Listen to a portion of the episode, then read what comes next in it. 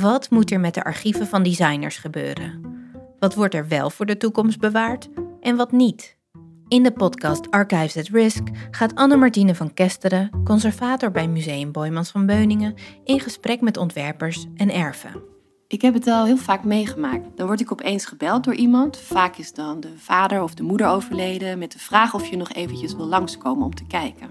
En eh, dat doe ik dan. Dan ga ik naar dat huis en dan zie ik daar uh, ja, het hele leven staan. Het, het, het, het, al het werk wat iemand heeft gemaakt. En dat is een fantastisch moment, heel impactvol. Maar tegelijkertijd is het ook een moment wat heel pijnlijk is. Want ja, ook ik kan er eigenlijk niks mee. Ik weet ook niet goed wat we met dat werk moeten doen. Ik kan het niet in het museum opnemen. Dat betekent dat eigenlijk de enige plek waar dat dan naartoe zal gaan, is gewoon naar de, naar de vuilnis. En ja, ik heb daar ook wel eens met tranen in mijn ogen gestaan. Ze spreekt met een van Nederlands bekendste ontwerpers, Hella Jongerius. Wat ga je doen met je archief als jij stopt met je studio? Ja, eh, ik, ik ben het nu dus aan het aanbieden aan een aantal musea in de wereld. En het feit dat het in het buitenland, dus dat het eigenlijk uit Nederland gaat, hoe sta je daarin? Ja, mijn oeuvre en mijn werk is ook altijd internationaal geweest. Dus het past ook dat het naar buitenlandse musea gaat. Maar het is wel jammer dat er niet een instituut in Nederland is die een grotere uh, groep van het werk zou kunnen.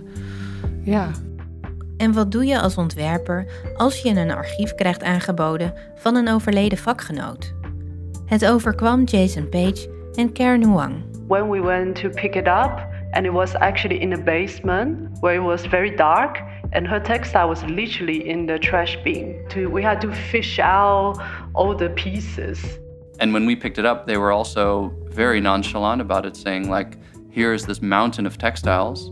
Some of it was moldy some of it was wet some of it was just i mean all of it was dusty in some ways. And they said like whatever you don't take we will just throw in the garbage. Archives at risk is een podcast van Netwerk Archieven Design en Digitale Cultuur. Luister deze en de andere afleveringen met Borre Akkersdijk, Lise Ros en de erven van Emiel Truijen in jouw podcast-app.